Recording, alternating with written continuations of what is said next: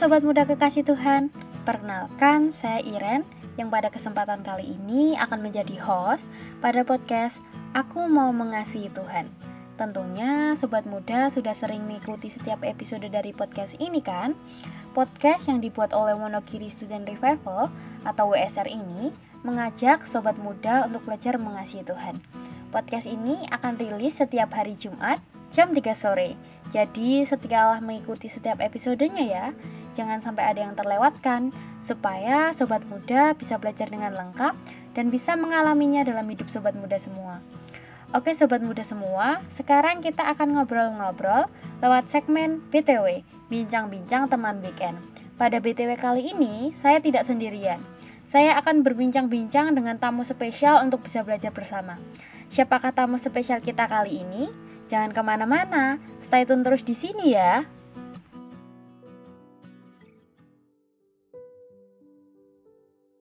Oke sobat muda, podcast kali ini merupakan rangkaian dari bedah buku Menghidupi Injil dan Menginjili Hidup.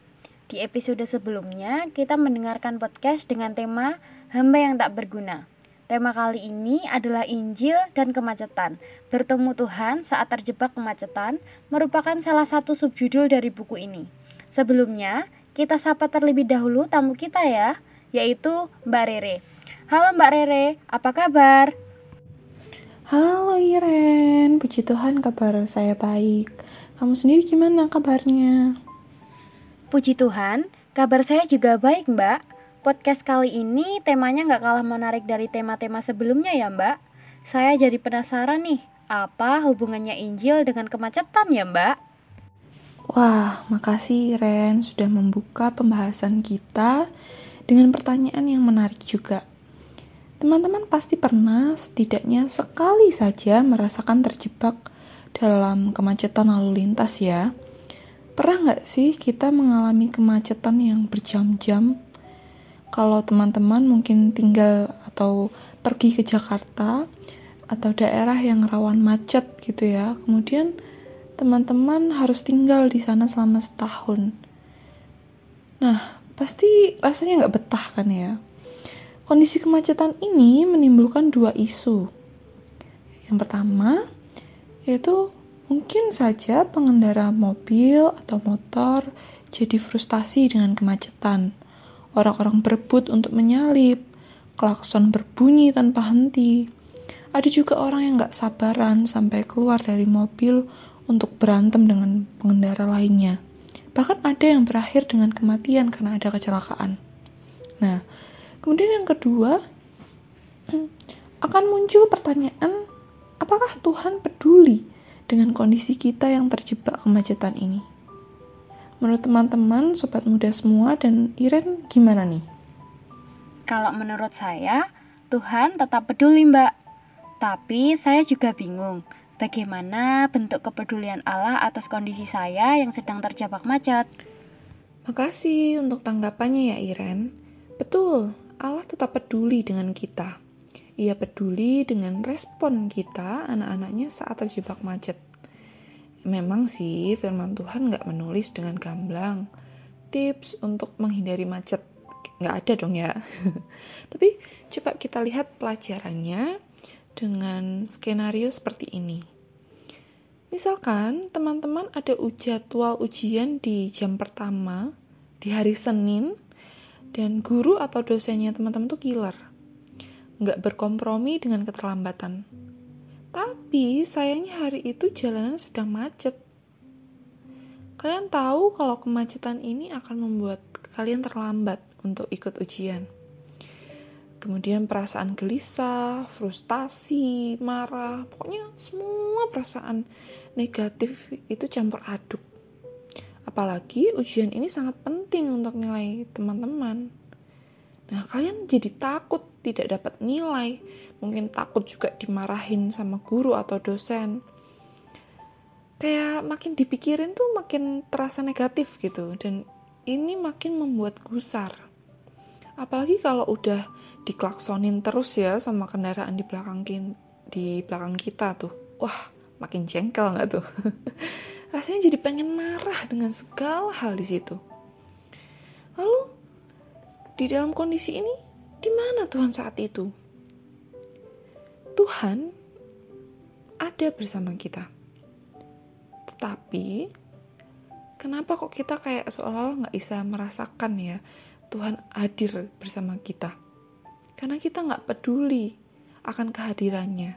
Kita mengecilkan dia, menggeser dia dengan keinginan kita. Mungkin keinginan kita yang, wah aku pengen sampai di sekolah atau kampus sebelum ujian dimulai.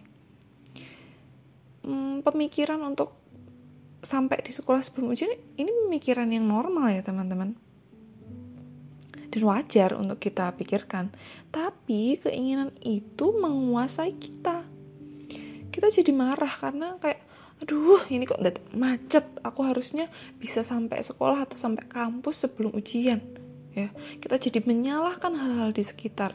Kita salahkan pengendara lain kita salahkan kemacetan ini kita salahkan polisi mungkin kita salahkan pemerintah guru. Ya bahkan jadwal ujiannya mungkin ya kadang.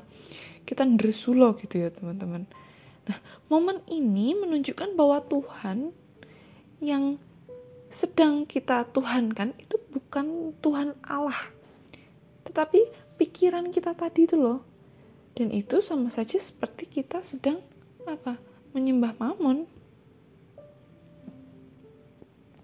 ketika kita datang ke gereja ya teman-teman eh, kita nyanyikan pujian. Teman-teman tahu nggak sih lagu yang Tuhan adalah gembalaku takkan kekurangan aku. Nah, ketika kita nyanyiin lagu itu kita nyanyikan dengan penuh penghayatan. Tapi coba ketika ada di kondisi macet itu tadi, gimana respon kita? Apakah lagu itu tetap kita nyanyikan dengan penuh penghayatan dan iman? Padahal di momen inilah Allah itu mau loh tunjukkan kasih karunia-Nya yang jauh lebih besar daripada masalah yang kita hadapi. Tuhan tidak hanya menilai reaksi emosi kita dalam kemacetan tersebut ya teman-teman, tapi juga yang lebih penting adalah motivasi hati kita yang membuat kita jadi marah dan cemas. Kerohanian kita itu tidak terbentuk saat kita mungkin beribadah, saat pergi ke WSR, Ya, itu bisa terjadi ya teman-teman, tetapi akan lebih signifikan, akan lebih kelihatan dan penting itu justru di saat-saat kita merasa frustasi, khawatir, takut, tersinggung atau marah gitu ya teman-teman. Kalau begitu, bagaimana respon dan motivasi hati kita yang benar ketika sedang menghadapi momen-momen kemacetan itu, Mbak? Biar lebih gampang menjawabnya, saya kasih skenario lain dengan kondisi masalah yang sama dengan skenario sebelumnya ya. Teman-teman, ada jadwal ujian di jam pertama, guru atau dosennya killer, nggak berkompromi dengan keterlambatan teman-teman, dan waktu itu jalanan lagi macet. Sama kondisinya. Kemudian, teman-teman teringat dengan satu bagian firman Tuhan. Misalkan dari Matius 10 ayat 31 yang bunyinya sebab itu janganlah kamu takut karena kamu lebih berharga daripada banyak burung pipit. Nah udah.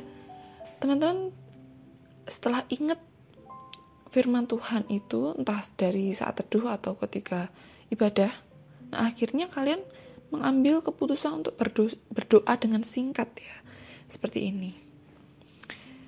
Teman-teman berdoa kepada Tuhan, minta Tuhan karena telat, aku mungkin gak bisa ikut ujian. Dan mungkin aku akan dimarahi guru atau dosenku. Tapi aku tahu, yang menentukan masa depanku adalah engkau, bukan nilai, bukan guru atau dosenku. Burung pipit saja engkau pelihara apalagi aku. Tolong aku yang tidak percaya ini untuk percaya dengan pemeliharaanmu ya Tuhan. Aku tak mau nilai menjadi lebih berharga dari Engkau. Aku ingin Engkau menjadi satu-satunya harta berharga sebab Engkau telah mati bagiku. Amin. Udah, teman-teman, doa dengan singkat seperti itu. Nah, kebenaran firman Tuhan yang membuat teman-teman akhirnya menaruh iman kepada Allah, membuat kita bisa menghadapi kemacetan itu dengan apa teman-teman? Dengan lebih sabar dan tenang. Kita jadi nggak uring-uringan, kita bisa lebih tenang setelah berdoa. Bahkan kita juga kita bisa sungguh-sungguh minta maaf kepada guru kita atau dosen kita karena kita terlambat. Sehingga kita bisa mendapat kesempatan kedua barangkali ya. Mungkin teman-teman uh, dikasih kesempatan untuk ikut ujian susulan dan nilai teman-teman akhirnya aman. Karena kita mungkin dinilai jujur dinilai tetap bertanggung jawab gitu ya. Atau bahkan mungkin ketika teman-teman nggak dapat kesempatan kedua dan dapat kemungkinan terburuknya. Teman-teman udah nggak bisa ikut ujian nggak bisa dapat nilai dan bahkan sampai dimarahin guru atau dosen teman-teman. Tapi ada satu sikap yang tentunya akan berubah. Yaitu apa? Kita jadi nggak terlalu khawatir karena kita percaya kalau Tuhan itu bakalan tetap memberikan seribu satu cara lain untuk menyatakan pemeliharaannya atas kita. Oke, dan di sini ada satu hal yang bisa kita dapatkan dari momen tersebut. Kita jadi bisa belajar kembali kalau kita manusia itu ternyata rentan terhadap dosa. Kita butuh kasih karunia Allah dan melihat bagaimana Allah itu begitu mengasihi, menopang dan memampukan kita. Well, siapa sangka momen kemacetan ini bisa jadi bagian dalam proses pemuritan. Luar biasa sekali ya Mbak pelajaran yang bisa kita dapatkan dari momen kemacetan ini.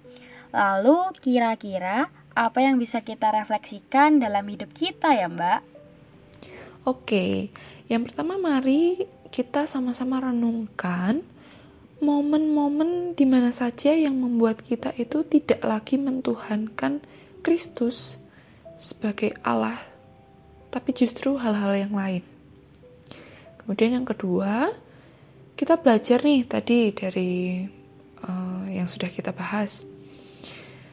Kalau firman Tuhan itu tuh ternyata relevan ya bagi kita ketika berada dalam kemacetan atau mungkin uh, momen-momen sederhana lain dalam hidup kita. Kira-kira gimana nih teman-teman cara teman-teman ya cara teman-teman untuk menyimpan firman Tuhan supaya menjagai kita.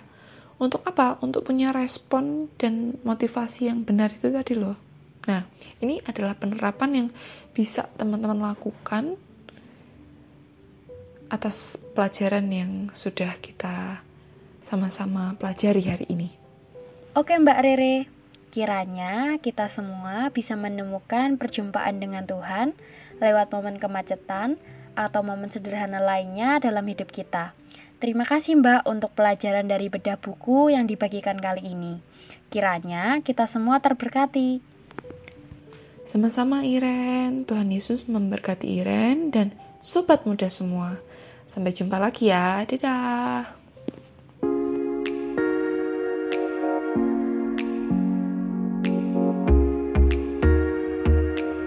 Sobat muda kekasih Tuhan, senang sekali ya.